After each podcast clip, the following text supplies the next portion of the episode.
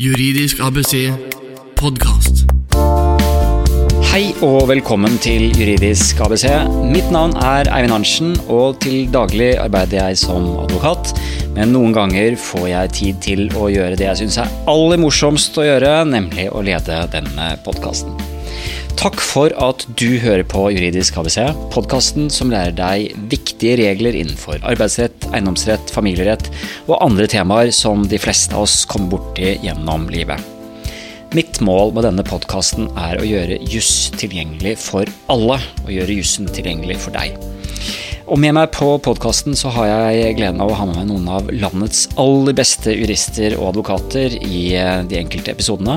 Da får vi med en ekspert som kan eh, hjelpe oss å dykke ned i dagens tema. Og i dag skal vi snakke om arbeidsrett og om oppsigelser. Og eh, har du fulgt podkasten fra tidligere, så vil du kjenne dagens gjest. Han er partner i Kvale advokatfirma. Han er en av Norges topprankede arbeidsrettsadvokater. Han har møterett for Høyesterett. Han er en dyktig konkurrent og kollega, og heter Nikolai Skarning. Og velkommen hit, Nikolai. Takk for det, Eivind. Her er det alltid hyggelig å komme. Eh, du er jo eksperten på arbeidsrett. Vi jobber jo mye med arbeidsrett begge to. Men jeg syns det er veldig fint å ha deg på besøk her, sånn, for du har noen års eh, erfaring mer enn meg. Og har vært i Høyesterett med flere viktige saker. Og er, Du kommer er aktiv. etter det. Takk for det. Eh, Men jeg synes det er, eh, dette er spennende temaer. Og vi hadde jo akkurat nå Jan Fogner i forrige episode, som snakket om styringsretten. Du kjenner jo Jan eh, helt sikkert godt. Og, Ja, han er den store eksperten vi på en måte lener oss på i mange sammenhenger, så det syns jeg var veldig morsomt å se. Ja, nei, han, han er jo det, og, og delte jo mye med oss i forhold til eh, jussen på, på styringsretten. Og jeg, eh, hadde en tanke med å ha Jan med for å liksom legge litt fundamentet for arbeidsrettspodkastene i år. Det kommer til å bli eh, ganske mange spennende podkaster som tar utgangspunkt i arbeidslivets utfordringer. Eh, og rett etter så kommer eh, jo du nå med et veldig praktisk tema. I dag skal vi snakke om oppsigelser, og du eh, er jo en av de mest produserende eh, forfatterne og foredragsholderne og artikkelskribentene innenfor arbeidsrett, men også veldig mye med fokus på dette som går på personalutfordringer og hvordan løse de, og ikke minst da hvordan eh, gå til oppsigelse på en hva skal jeg si, rask og smertefri måte. Ja, det er riktig. Og du vet, Eivind, du har jo også vært med på en del av disse kursene som vi driver med, eh, hvor vi tar utgangspunkt i praktiske problemstillinger som bedriftene som er til stede, har. Og da fanger vi opp veldig mange av de spørsmålene som kommer opp. Det blir diskusjoner bredt blant både advokater, HR-folk, administrerende direktører osv. Eh, Og så får vi etter hvert finner vi gode svar, og på bakgrunn av dette så utarbeider vi manuskripter, og vi lager bøker og artikler av det. Og nettopp for å prøve å treffe virksomhetene hjemme. Og selvfølgelig, det er veldig relevant også for mange arbeidstakere og fagforeningsfolk. Det er, det er jo riktig som du sier, jeg har hatt gleden av å være med på flere av de kursene du har, Nikolai. og det er, eh, jeg synes det er, altså En ting er at de er faglig superbe, men det er så praktisk. Og det, er, altså det, det fagforumet som du har Dante, dannet, er kjempe, kjempebra. Det er ganske jevnlig du holder kurs eh, både her i Oslo, men også litt på reisefot, reisefot nå i disse dager, er det ikke det? Jo da, det er det. Vi holder vel kurs omtrent en gang i måneden. og Akkurat nå pga. dette nye bokprosjektet så reiser vi faktisk rundt i landet da, i regi av dette som heter Positiv eh, opplæring. eh, Som lager sånne heldagskurs rundt omkring, altså i Tromsø, eh, Stavanger, Trondheim osv. Og, og eh, der strømmer det til folk for å da høre om oppsigelsesprosessene. Hvordan kan de gjøres på en best mulig måte? Og det er både arbeidsgiver og arbeidstakerne har en felles interesse i at dette gjøres korrekt og skikkelig. Og da er vi jo veldig nær ved å begynne å dykke ned i dagens tema, syns jeg. Eh, Så dette er det du holder kurs om nå for tiden. Og eh, hvis vi begynner med litt eh, Jeg liker å begynne med fullperspektivet. Eh, Oppsigelser de, det finnes jo For det første er det noe som heter avskjed og noe som heter oppsigelse. Eh, og Det kan vi bare kanskje raskt få en avklaring på. Og så vil jeg gjerne at du tar og drar litt sånn fugleperspektivet på hvilke typiske oppsigelsessaker er det du tenker at en arbeidsgiver kan stå overfor. Ja, Avskjed, Eivind, la oss holde det på en måte utenfor her. For det er da de mer grove bruddene på arbeidsavtalen som gjør at eh, arbeidsforholdet avsluttes umiddelbart. Ikke sant? Eh, Det som vi snakker om når vi snakker om oppsigelser, det er altså det mer de forskjellige typer grunnlagene eh, som vi kjenner fra avisene, kan vi si. Altså det er typisk nedbemanninger. Det kan også være da folk som eh, gjør en, en, en dårlig jobb, altså har mangelfull arbeidsutførelse. Det kan være folk med langvarig sykefravær. Eh, Det er folk som blir sagt opp i prøvetiden. Det er jo en mulighet som mange ikke egentlig er klar over, at eh, stillingsvernet er mye svakere i prøvetiden enn ellers i praksis. Slik at det er en del sånne tilfeller som gjør at eh, man må gå til oppsigelser. Og da er det en egen prosess å få dette til på en skikkelig måte, slik at man prøver å unngå å få konflikter og tvister ut av det, for at det blir dyrt og tungt for begge parter. Og eh, det er jo ganske ulike bakgrunn, eh, bakgrunnssituasjoner eh, i alle disse forskjellige oppsigelsessakene. Noen av de er, som du er inne på, er jo eh, en følge av endrede konjunkturer. Vi er jo midt inne i en, opplever jeg i hvert fall, en, en endring i det økonomiske klimaet nå, med nedbemanninger. Oppsigelsen oppsigelser som skyldes virksomhetens forhold. Jeg tenker at Det er jo et stort tema. Jeg vet du holder kurs om det og har skrevet bøker om det også. Eh, Men hvis vi i dag eh, prøver å ha litt fokus i forhold til til disse, mer, disse vanskelige personalsakene, de mer individuelle oppsigelsessakene. Kan du si litt om hva som kjennetegner de, og hvordan, hvordan møter du som advokat eh, en arbeidsgiver som kommer med en, eh, en personalsak hvor de har en ansatt som ikke fungerer, eh, de ønsker å finne ut av har de mulighet til å få vedkommende ut, hvilke krav er det som stilles. Hvordan, hvordan går du fram i forhold til å analysere det og, og råde arbeidsgiver der? Ja, Det er helt uh, riktig utgangspunkt som du sier, at vi skiller mellom virksomhetens forhold, altså typiske nedbemanninger og sånt nå, som er egne prosesser, og som er eh, skal vi si, et eget foredrag, egentlig. Eh, så, men som er et grunnlag som er for så vidt relativt greit å gå til oppsigelser på, bare man går riktig fram. Men så er vi over i det som du snakker om nå, nemlig egne forhold, altså arbeidstakerens egne forhold.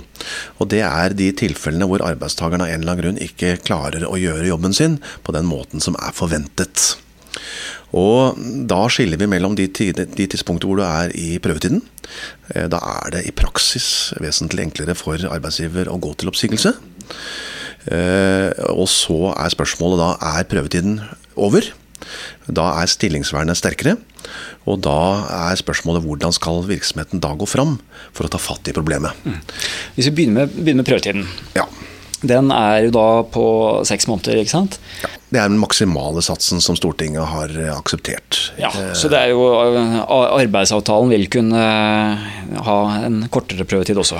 Men vi anbefaler bedriftene selvfølgelig også ha seks måneder i alle saker, fordi at eh, seks måneder det er minimum av det du trenger for å se om en arbeidstaker fungerer godt nok.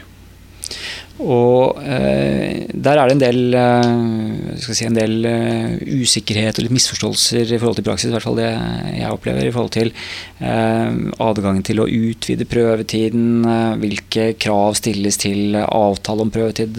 Kan du si litt om det? Det kan jeg gjøre, og prøvetiden den skal inngås, eh, avtales og inngås da skriftlig. Eh, Der bør det altså som sagt stå seks måneder, og så bør det stå at den kan utvides ved arbeidstakerens fravær. Typisk eksempelet da er sykefravær. Slik at er arbeidstakeren da borte en måned, så kan altså prøvetiden forlenges med en måned. og Det må også da gjøres skriftlig. Så det er veldig viktig å bruke den muligheten. Så kan du si eh, hva er oppsigelsesgrunnlaget i prøvetiden? Jo, det er til, syvende og sist tilpasningen til arbeidet, påliteligheten i arbeidet. Gjøres jobben sånn som den skal. Hvis arbeidstakeren ikke gjør det, vel så er det relativt kurant for arbeidsgiver å gå til oppsigelse, så fremt man selvfølgelig kan eh, sannsynliggjøre, dokumentere at vedkommende ikke passer jobben sin. Eh, Jeg opplever jo det innimellom at vi har arbeidsgivere som har folk i prøvetid, og, og hvor det ikke fungerer, og, og hvor de typisk ringer eh, oss som advokater da sånn eh, en uke før prøvetiden løper ut. eh, Og sier at nå har vi hatt en kar her, og det, det, det går ikke. Jeg tenkte bare å si han opp. Kan jeg gjøre det? Eh, Jeg tenker at eh, det kan man jo selvfølgelig gjøre, og man må da ha en prosess på det. Vi kan snakke litt om selve gjennomføringen av en oppsigelsesprosess eh, litt senere i dag. Men der er det jo, sånn som jeg ser det, så er det litt, litt, det at toget går etter hvert som prøvetiden løper. Eh, for du bør jo følge opp den ansatte i prøvetiden, sånn at vedkommende har en anledning til å eventuelt eh, tilpasse seg og, og prøve å gjøre en bedre jobb osv. I hvert fall min oppfatning. Hva, hva tenker du om, om, oppfølging av de ansatte jo, i prøvetiden? Det har, du, det har du helt rett i. Du skal gi arbeidstakeren en sjanse til å faktisk klare jobben sin.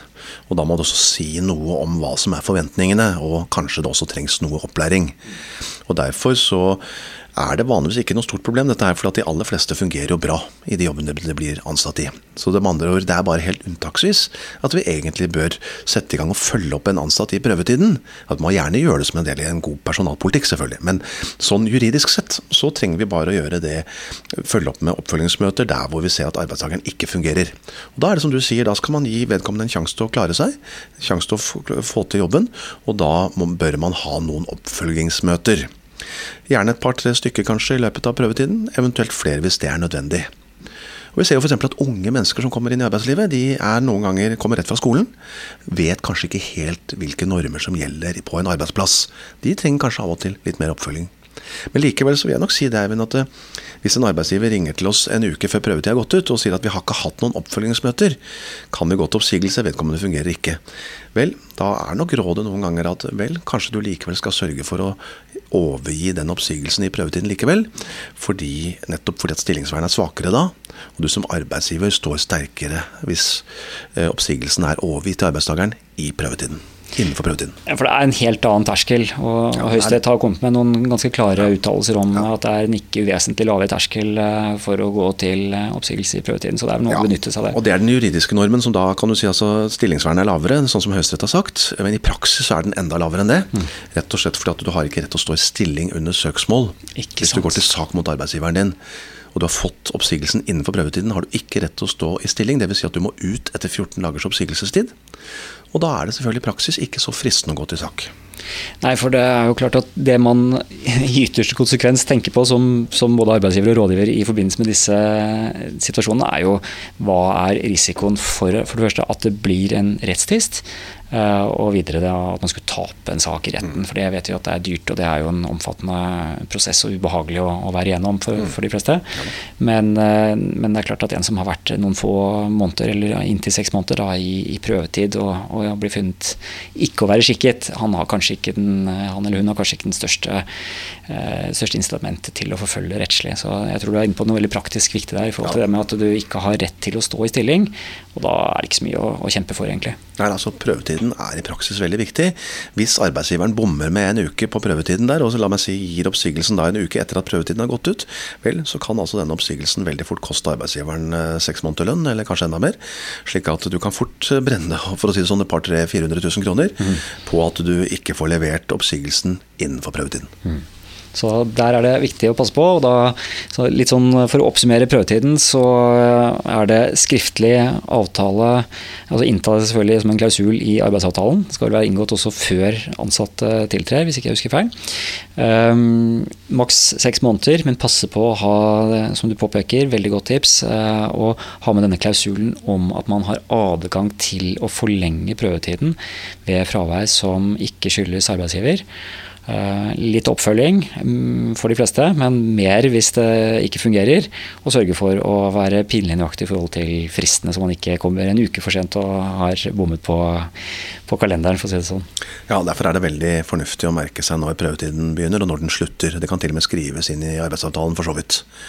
Slik at man ikke bommer på det. Juridisk ABC podkast. Veldig bra, Nikolai. Da er vi ferdig med prøvetidsoppstillingen. Så går vi over på de litt mer vanskelige situasjonene. Nå går vi liksom ett nivå opp i vanskelighetsgrad. Mm. Um, og så har du en, eh, ser for oss en arbeidsgiver, en, kanskje en, en HR-ansvarlig, som, som, ringer deg fordi hun har en eh, ansatt som er problematisk, som skaper dårlig klima på jobb eh, og gjør eh, ikke verdens beste innsats heller. Gjør litt feil og, og skaper egentlig uro og eh, problemer på arbeidsplassen og er en som, som, man ikke ønsker å ha med videre på laget, rett og slett. Typisk situasjon som jeg tror mange arbeidsgivere vil kjenne seg igjen i, men som kan være vanskelig å håndtere. Hvordan går man frem for å løse en sånn type situasjon når det er snakk om samarbeidsproblemer? Et veldig viktig og praktisk spørsmål som vi ser mange virksomheter slite med, Eivind. Og jeg vil gjerne benytte anledningen først til å avlive den myten om at uh, man ikke kan sies opp mm. pga. dårlig arbeidsinnsats, uh, manglende produktivitet eller skal vi si negativ påvirkning på arbeidsmiljøet, det å være manglende motivert osv. Men selvfølgelig utgangspunktet er det som vi alle sammen er glad for i Norge. Et sterkt stillingsvern som gjør at uh, du du har lov å bomme, du har lov å gjøre en dårlig jobb en periode, og du kan ha en dårlig periode i livet osv. Alt dette her kan du ha uten å miste jobben din, selvfølgelig, og det, sånn skal det være. Men likevel så er det viktig å si at arbeidsgiveren har anledning til å stille krav til den arbeidsinnsatsen som gjøres, og til at vedkommende faktisk passer inn i arbeidsmiljøet. Men det er arbeidsgiveren som har bevisbyrden for at disse tingene ikke fungerer. Slik at det som er den viktige jobben for arbeidsgiver her, det er å dokumentere at vedkommende ikke fungerer. Følge opp med oppfølgingssamtaler, det kan kanskje være en gang i måneden. Eh, eventuelt innhente opplysninger fra verneombud. Gjerne ta med tillitsvalgt tidlig i prosessen, slik at man får på en måte noen, en, en, person utenifra som kan se litt på dette med kanskje litt mer nøkterne øyne. Det er fordelaktig. Her skal man gå fordomsfritt til verks som arbeidsgiver. Man skal altså gi arbeidstakeren en sjanse til å forbedre seg til å fortelle hvordan situasjonen til hans eller hennes er, eh, og hva, skylder, hva problemene skyldes. Men jeg må jo samtidig si det at eh, går det over flere måneder, og vedkommende da fortsatt gjør en dårlig jobb eller har en negativ påvirkning på arbeidsmiljøet, så kan dette være oppsigelsesgrunn. Og Folk er nok ikke klar over det helt, men altså det er veldig strenge regler i arbeidsmiljøloven når det gjelder det psykososiale arbeidsmiljøet. Det er arbeidsmiljølovens kapittel fire. Det innebærer at arbeidsgiveren har en plikt til å slå ned på negative faktorer i arbeidsmiljøet. Og hvis det er én person som forsurer miljøet til alle de andre, så kan det altså oppstå en plikt for arbeidsgiveren til å gå til oppsigelse eller avskjed av den personen. Det tror jeg er et kjempeviktig poeng som mange er altfor lite bevisst. Man tenker mye mer på den enkelte arbeidstaker som eventuelt da står i fare for å, å, miste jobben og få en oppsigelse, eh, og har for lite fokus på det ansvaret man har i forhold til alle de andre. Og Det er klart at det er jo, det er noe med at man må beskytte flokken. da. Og har du en i flokken som biter de andre og lager problemer og forsurer miljøet, så, så, er det dels så er det jo det psykososiale, men det har vel en viss side i forhold til en, en sunn og god virksomhet også, i hvert fall hvis vi snakker om de normale næringslivsbedrifter hvor man har behov for å ha en verdiskapning og, og sørge for at det er penger i kassa til å betale lønn også. Helt eh, klart, og det er klart der hvor bedriftene kanskje også har noe mer røde tall og sliter litt mer, Eh, så mener jeg det er riktig juss å si at eh, man har noe større anledning til å eh, gå til oppsigelse av folk som skal vi si, ikke bidrar til verdiskapingen. Sånn må det nesten være, i hvert fall i det private næringslivet, slik at bedriftene våre kommer seg. Men det er klart, er det folk som har vært der veldig lenge, høy alder og lang ansiennitet, det gir beskyttelse i mange sammenhenger, og også selvfølgelig her, og sånn skal det være. Men eh, det er myter også ute og går her, og jeg mener at arbeidstakerne egentlig bare tar skade av den myten. fordi at eh, man må være klar over at på en arbeidsplass så er det også krav til at man faktisk gjør den jobben man skal. To-tre måneder, sier du, at uh, der man har en situasjon hvor den ansatte ikke viser noe bedring, og det går flere måneder, så, så kan det fort uh, begynne å nærme seg i hvert fall en oppsigelsesgrunn. Kan du si litt om oppfølging der? Kanskje litt bruk av advarsel osv.? Ja, kan gjøre det. Og det du sier der med to-tre måneder er helt riktig, men det kommer litt an på alder og ansiennitet. Vi kan vel si det sånn at er det yngre mennesker som ikke har vært så lenge på virksomheten, så kan de følges opp over en kortere periode. Er det folk som har vært der veldig lenge, og som kanskje sliter litt nå med å tilpasse seg ny teknologi, vel så må bedriften bruke noen flere måneder på å gi vedkommende en sjanse til å forbedre seg, kanskje sette inn noe mer opplæring. Men når det gjelder oppfølging, så kan du si det at eh, noen trenger mer, og andre trenger mindre. Det som er veldig, veldig, vanlig å gjøre nå, det er at man setter seg ned sammen med den ansatte. Man er åpen og ærlig på at dette fungerer ikke helt som det skal, men hva kan vi sammen gjøre for å få dette til å fungere? Så setter man sammen opp noen mål. Både for opplæring, og så setter man sammen noen mål for når skal vi møtes igjen. Og da er det mange steder vi ser det ganske naturlig at man møtes sånn omtrent en gang i måneden. Og så ser man på hvordan går det nå.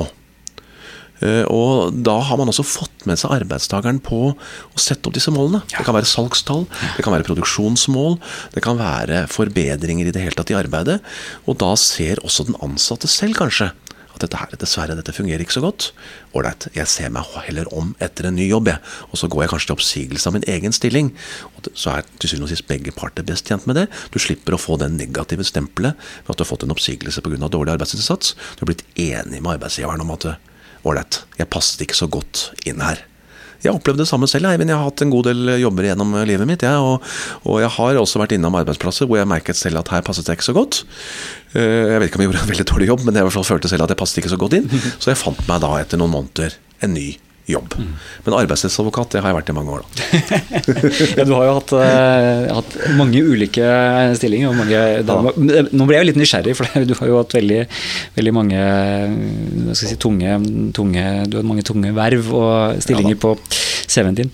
Uh, Men uh, jeg er veldig glad for at du tar opp det du er inne på her nå, for det er en veldig sånn praktisk tilnærming til hvordan løse disse vanskelige sakene.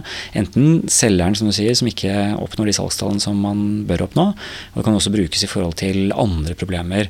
Eh, Og det du beskriver, er vel eh, det amerikanerne gjerne kaller en PIP, som Performance Improvement Plan. Og man har dette strukturerte løpet.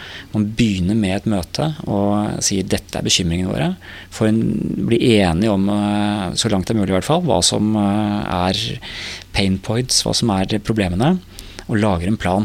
Og Det jeg syns er så fint med det, er at eh, da, da får man i stedet for å begynne med å grave de dypeste eh, skyttergravene med en gang, så, så, så begynner man med å prøve å bygge i hvert fall en sånn type enhetsplattform om hva som er problemene, og identifisere det.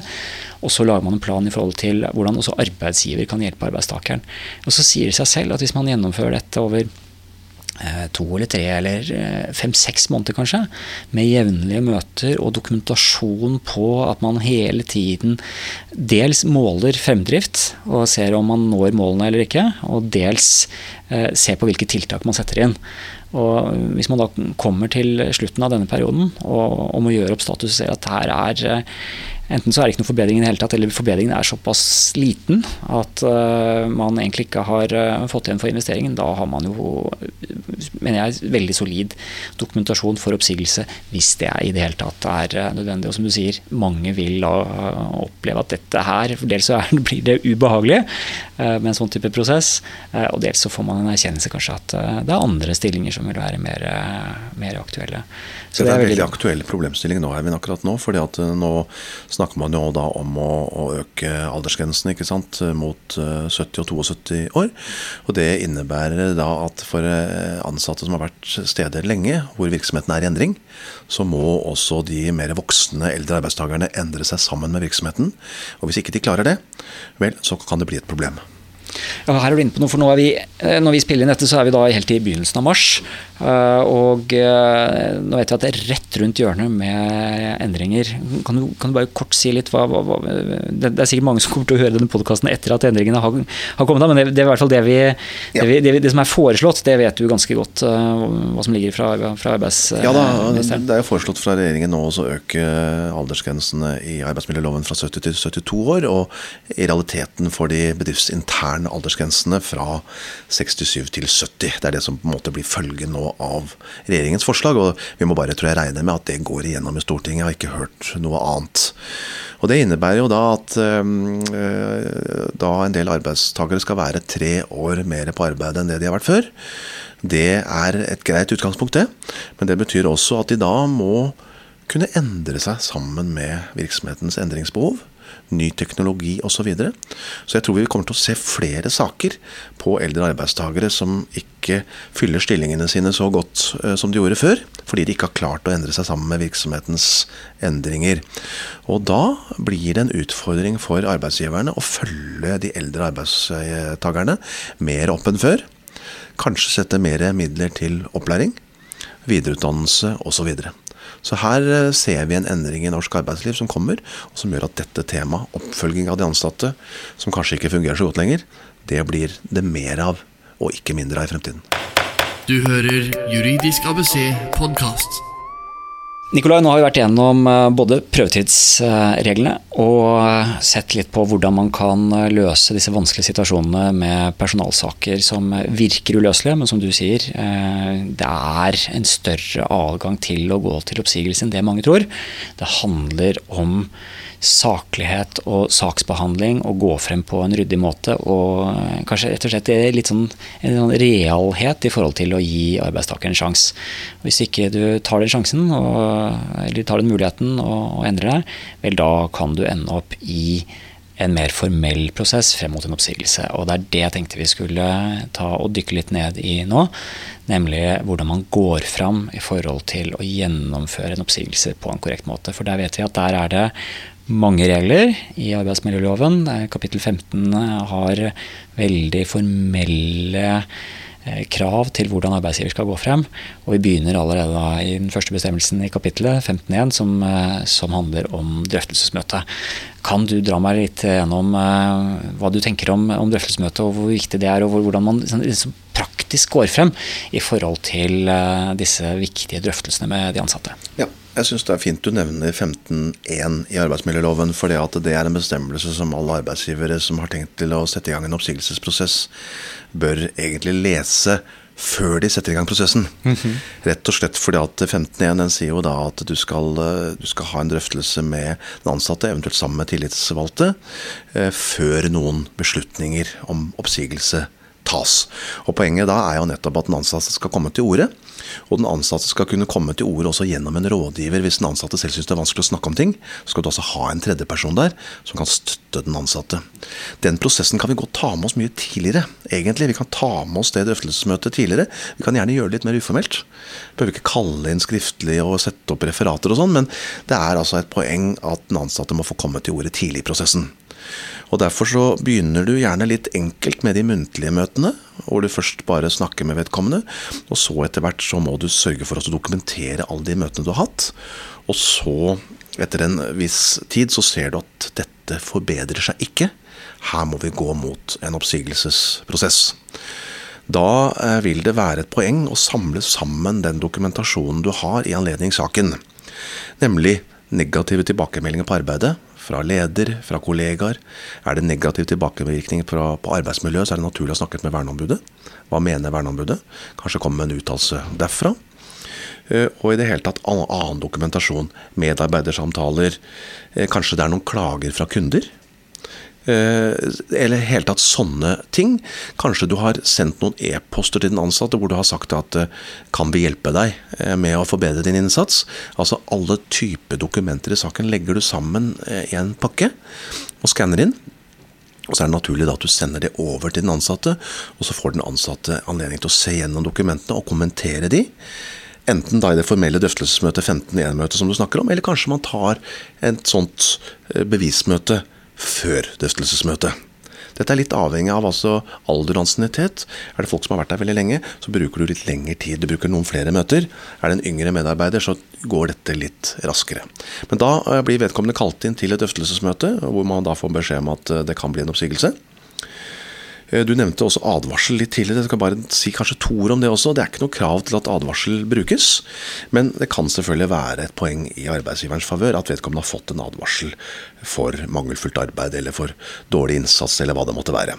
Men det er ikke noe krav i arbeidsmiljøloven om det. Men det er altså en del av de dokumentene som kan være med. Vel så nyttig som en advarsel kan være bare en korreks per e-post. Hvor man mm. sier at eh, nå ser vi at du har kommet for sent tre dager på rad. Ber om at du skjerper inn det tidspunktet du begynner jobben på, f.eks. Det kan være vel så effektivt, kanskje enda mer effektivt mange ganger. Slik at eh, all den type dokumentasjon tar du med, og så blir det dette formelle drøftelsesmøtet. Det skal holdes, og så skal den ansatte da få anledning til selvfølgelig å komme med sine synspunkter. Ha med advokat eller tillitsvalgt, rådgiver, som skal komme med synspunkter. Og så skal det ikke tas noen oppsigelsesbeslutning før man altså da har hørt disse synspunktene, fått veid disse argumentene som kommer fram. Det kan være sosiale ting. Kanskje vedkommende har vært gjennom en tung skilsmisse eller vært gjennom en alvorlig sykdom som gjør at dette har gått utover arbeidsinnsatsen, samarbeidsevnene. Den type informasjon er utrolig viktig å komme fram, og de skal altså komme fram i dette drøftelsesmøtet. Og eh, Du er inne på en del eh, viktige elementer. tenker jeg. Det ene er dette med dokumentasjon. Eh, å gi den ansatte mulighet til det vi gjerne kaller kontradiksjon. Mulighet til å komme med motargumentene. Eh, og vite også da ganske detaljert hva er det arbeidsgiver eh, egentlig er ute etter. Jeg, eh, jeg har jo både arbeidsgivere og arbeidstakere som klienter. Jeg opplever ganske ofte at det kommer ansatte som sier, eh, og dette uttrykket har jeg hørt veldig mange ganger, 'lyn fra klar himmel'. Eh, innkalling til drøftelsesmøte som lyn fra klar himmel. Vet ikke hvorfor de er kalt inn, vet ikke hva arbeidsgiver har av innsigelser. og Kanskje en anelse om det, og ofte så viser det at det ikke stemmer i det hele tatt. Sånn at det må være eh, litt sånn i forkant med tanke på disse muntlige samtalene som du viser til, for å veilede den ansatte i forhold til hva er risikoen her, og hvilke elementer er det som arbeidsgiver er eh, misfornøyd med. Eh, og så, når de formelle drøftelsene kommer, sørge for å legge frem god informasjon som den ansatte kan etterprøve, og kanskje til og med finne da motbeviser. Det kan være en e-post e eller et brev eller noe annet som viser én side av saken. Og så opplever jo vi som advokater gjerne at eh, en sak har i hvert fall to sider, og så kommer det motbeviser, og så må man veie disse på denne vekten eh, som, som vi har, i hvert fall den, den vekten vi har inni hodet vårt, i forhold til å, å se frem og tilbake på, på, de ulike argumentene som kommer. Det er den store feilen du peker på, Eivind. Det er i mange arbeidsgiveres saksbehandling det er at eh, en oppsigelsesprosess kommer som lyn fra klar himmel. Det skal den ikke gjøre. Mm. Den skal ikke gjøre det. Den ansatte skal få anledning til å forbedre seg, skal få en oppfølging, muntlig eller skriftlig. Så vet vi at det er arbeidsgiveren som har bevisbyrden, altså må kunne dokumentere at vedkommende ikke fungerer. Og det vil altså si det at eh, hvis du ser at det ikke blir noen forbedring med den ansatte, da må du ganske raskt sette deg opp en logg. F.eks. at nå har jeg hatt en samtale i dag du må begynne å loggføre også de muntlige samtalene du har hatt med vedkommende, nettopp for å kunne bevise senere at eh, dette ikke kommer som en lyn fra klar himmel. Det viktigste poenget er vel akkurat som du er inne på, at den ansatte selv får en anledning til å forbedre seg, og får en anledning til å forstå hvorfor en oppsigelsesprosess settes i gang. Mm. Og jeg syns jo noe av hovedpoenget må være at den ansatte får anledning til å søke seg bort, ja. hvis vedkommende kanskje mistrives. For vi kommer ikke unna at i norsk arbeidsliv, sånn som vi jobber med, du og jeg treffer mange både arbeidstakere og arbeidsgivere, det gjøres jo en fantastisk jobb stort sett på de aller fleste virksomheter i Norge. Slik at når vi kommer borti de sakene, unntakssakene som vi jobber med, nemlig der hvor ting ikke fungerer, så, eller det er mye sykefravær, eller folk gjør en dårlig jobb.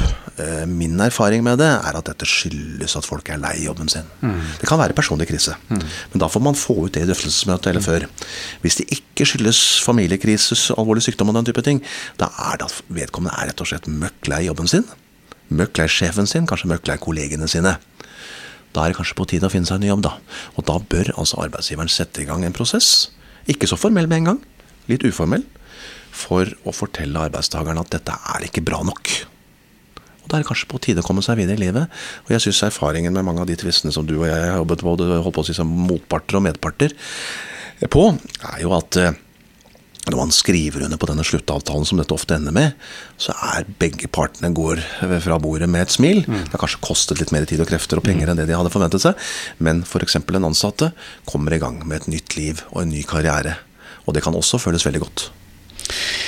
Jeg er litt inne på dette nå med altså drøftelsesmøtet. Det er jo dette formelle møtet, og så kan man ha uformelle møter i, i forkant. Og, og, Både i de uformelle møtene og i selve drøftelsesmøtet så kan jo arbeidsgiver ta opp eh, spørsmålet er du villig til å inngå en frivillig avtale. Det er jo ikke en, det ikke en oppsigelse, det. Man kan jo si at hvis du, hvis du ønsker det, så kan kanskje det ha vært greit at du får f.eks. Eh, disse tre månedene du har i oppsigelsestid, som mange har. Eh, får fritak for arbeidsplikt da, og kanskje får du til og med et par måneder ekstra med lønn. Og så går du til ditt, og så fortsetter vi med vårt. Og så takker vi for eh, samarbeidet så langt. Det, det, er helt riktig, og erfaringen min er vel at eh, på de aller fleste arbeidsplasser rundt omkring i Norge, så er det nettopp sånn arbeidsforholdet avsluttes hvis arbeidsgiveren er misfornøyd. Nemlig at arbeidsgiveren forklarer dette på en ordentlig måte. Det virker troverdig, og arbeidstakeren selv er fornuftig og ser at ja, det arbeidsgiveren sier er riktig. Jeg passer ikke inn her. Jeg gjør ikke en god nok eh, jobb. Men man må bare passe seg og ikke gjøre sånn som en venn av meg hadde en sak her for noen år siden mot en eh, advokat som da var misfornøyd med advokatfullmektigen sin. Og det medførte da at en dag som advokatfullmektigen kom på kontoret, så lå det bare en serviett på pulten til advokatfullmektigen hvor det sto da du kan bare pakke sakene dine og dra. Det er ikke måten å kommunisere Det det, på. det var ikke en arbeidsrettsadvokat. Det ble det en rettssak ut av. Det var ikke en arbeidsrettsadvokat, men det ble det en rettssak ut av. Og denne servietten, denne, det var en blå serviett som var skrevet av med tusj på, den ble lagt fram som bevis i retten på da en ikke korrekt oppsigelse. Ja, og det er eh, Jeg tror Hvis man begynner å se på alle de eh, fæle måtene jeg har opplevd eh, ansatte som har mistet jobben på, så er det ganske lange lister. Jeg husker i hvert fall én som som var for et par år siden, var en klient jeg hadde som hadde kommet på jobb og oppdaget at nøkkelkortet ikke virket. Og går opp og prøver å logge seg på PC-en, og den, den kom han jo ikke inn på. Og så kommer det da en og prikker inn på skulderen og sier at du, skal bli med inn her sånn. Eh, og, da- og da var det jo klart at eh, her, her, her var det litt sånn amerikansk måte. Der var alle de personlige eiendelene de sto ferdig pakket i en kasse. Og, og nå skal du høre her at du har hatt din siste arbeidsdag. Og det er, eh, det er, det er mye rart som skjer bortover på forskjellige arbeidsplasser. Og det er jo litt det vi, vi merker i, i vår eh, hverdag også, men det er vel ikke akkurat den, den type fremgangsmåte som er å anbefale. Nei, det er ikke det at man kommer til en eh, stengt dør, eller at man ikke klarer å skru på lyset på kontoret lenger og sånn. Det det er ikke måten å informere arbeidstakerne om at det er slutt.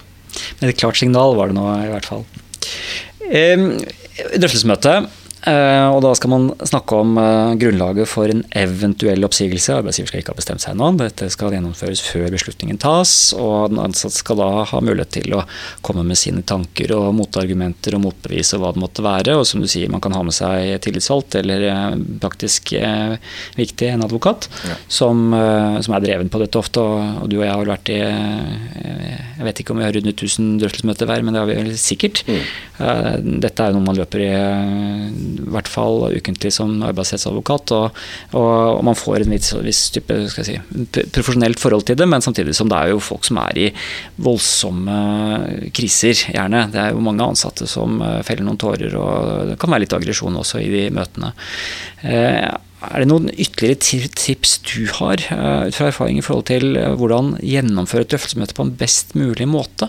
Hvordan kunne liksom møte den ansatte på ja, på, en- ålreit måte, selv om jo situasjonen er den at man egentlig ikke ønsker å ha vedkommende med på laget lenger.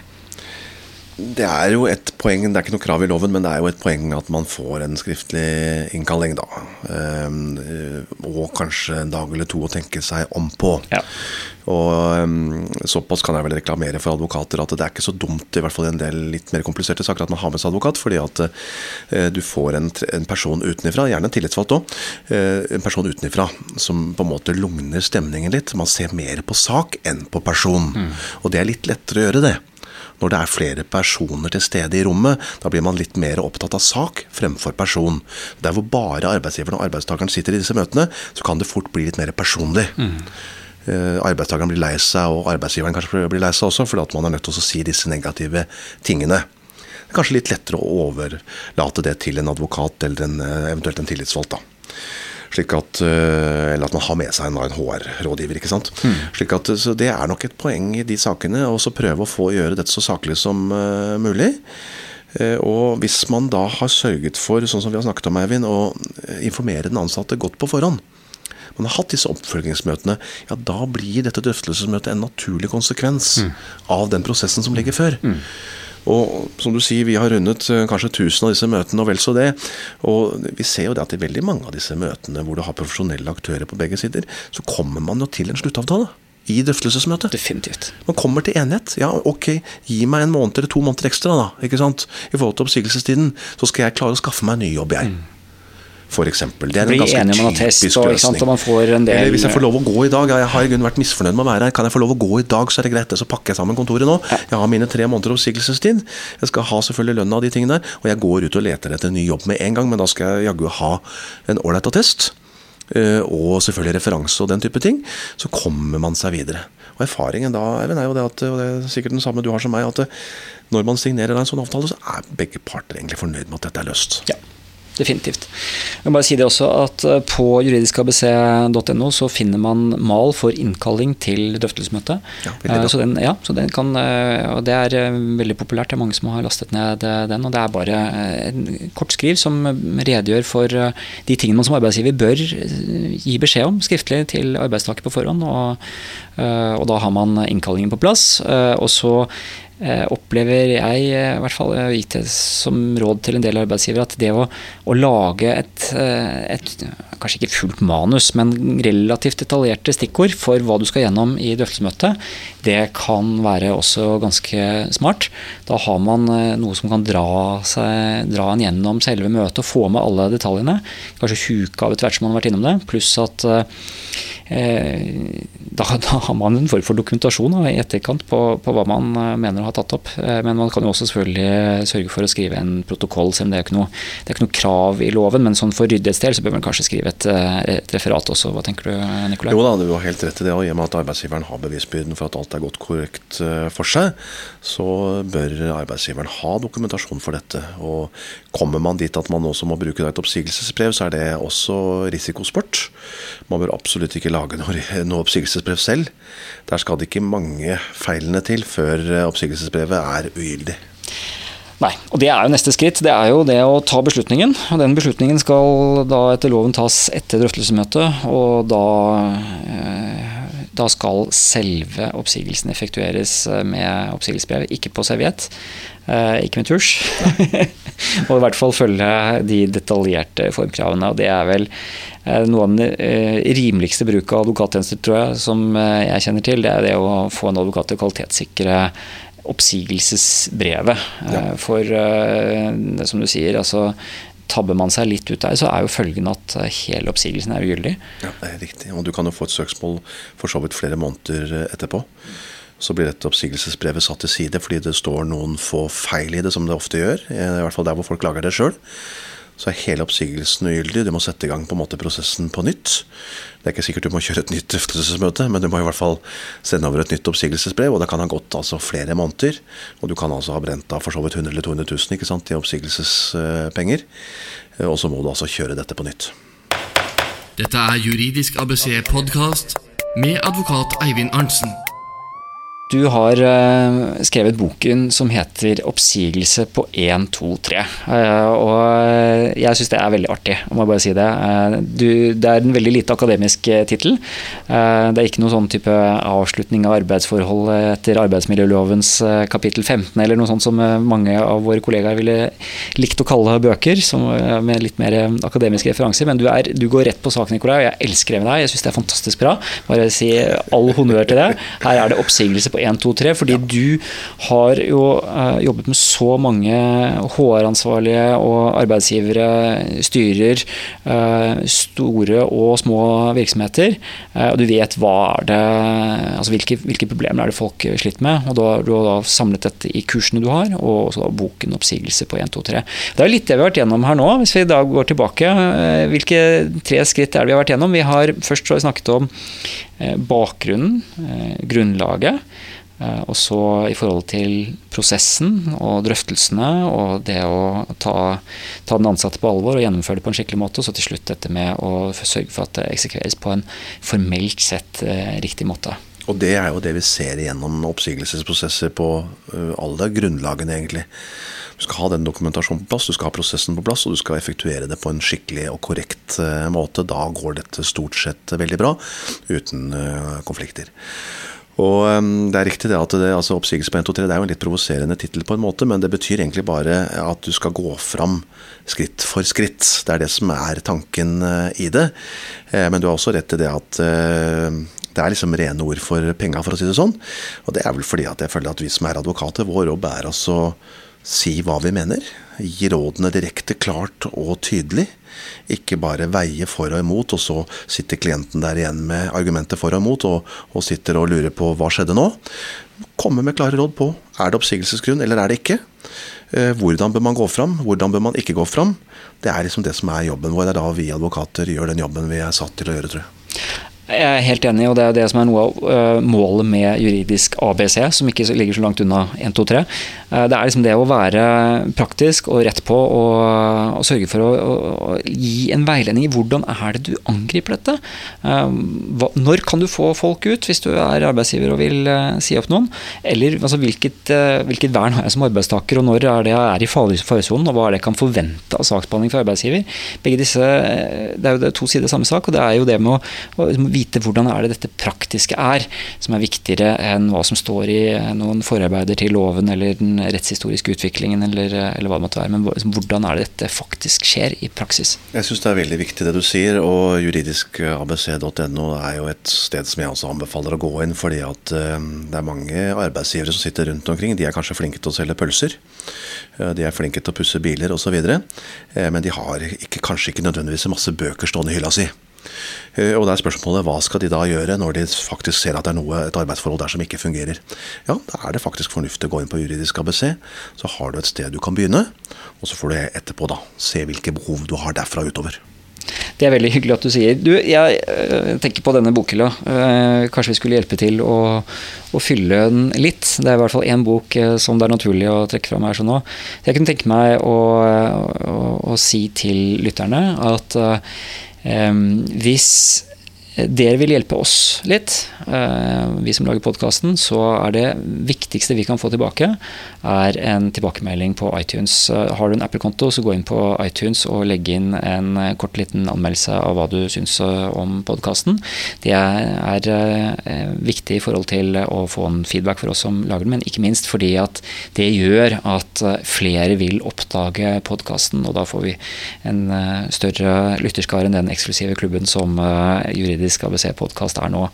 Og Som en motytelse så, og som en stor tusen takk, så må man jo selvfølgelig gi noe tilbake. og Da er det jo ingenting som er mer naturlig enn å si at eh, hvis vi nå sier at nå er vi i begynnelsen av mars, og eh, hvis vi ser, ser på alle de som gir en, eh, en anmeldelse på iTunes i løpet av mars, og sender en kort e-post til post at eh, juridiskabc.no med navn og hva de har skrevet på iTunes, så er det med i trekningen av en, eh, et eksemplar av, eh, av din bok 'Oppsigelse på 123'.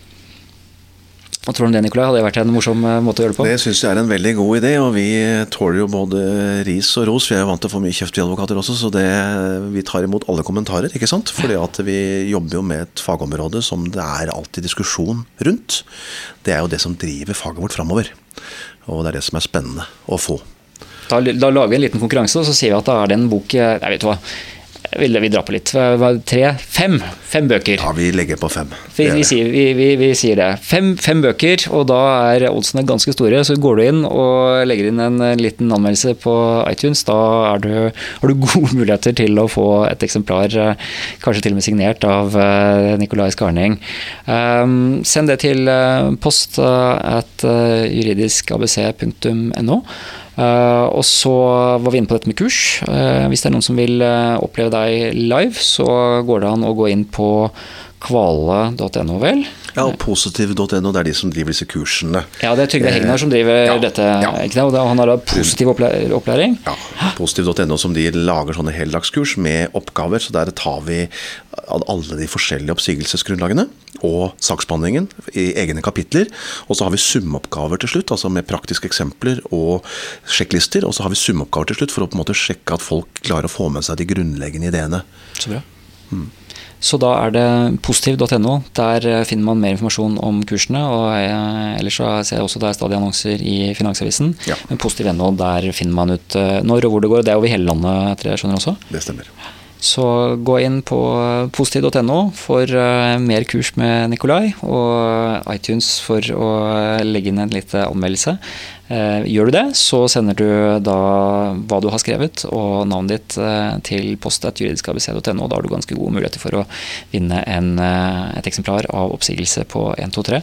Og så helt til slutt, Nikolai, hvis det er noen arbeidsgivere der ute som har behov for deg, så dels så kan du jo først ta oss og gå tilbake og se på noen av de tidligere podkastene. Du er jo her for tredje gang nå. Vi har snakket om midlertidige ansettelser og sykefravær. Midlertidige ansettelser må vel kanskje ta på nytt nå når det kommer nye regler, men det får vi ta, komme tilbake til. Men hvis det er noen som uh, har forstått, og det er sikkert mange, at uh, Nikolai er en som kan dette ut og inn, og som har meget god erfaring i forhold til å gjennomføre oppsigelse på en skikkelig måte, da kan jeg nå deg på hvilken måte? Du, altså Vi finnes jo da på kvale.no, så jeg pleier å være litt frekk og si at enten bør man gå til kvale.no eller til daland.no. Og det er jo sånn det er i de fleste tvister etter hvert, at enten så sitter vi på den ene siden av bordet eller på den andre. Men eh, nei, fullt, fullt så ille er den vel kanskje ikke. Men eh, veldig bra. Takk for at du vil komme i dag eh, igjen, Nikolai. Og takk for at du ga oss så mange gode råd og praktiske innfallsvinkler i forhold til disse ganske vanskelige problemstillingene. Bare hyggelig. Du har hørt Juridisk ABC podkast. For mer informasjon om dagens tema, se juridiskabc.no. Her finner du flere podkaster og artikler innen arbeidsrett, eiendomsrett, familierett og temaer for deg som driver egen virksomhet. Meld deg på vårt nyhetsbrev på juridiskabc.no. Produsert av Øystein Weibel og Kanonlyd. Kaboom!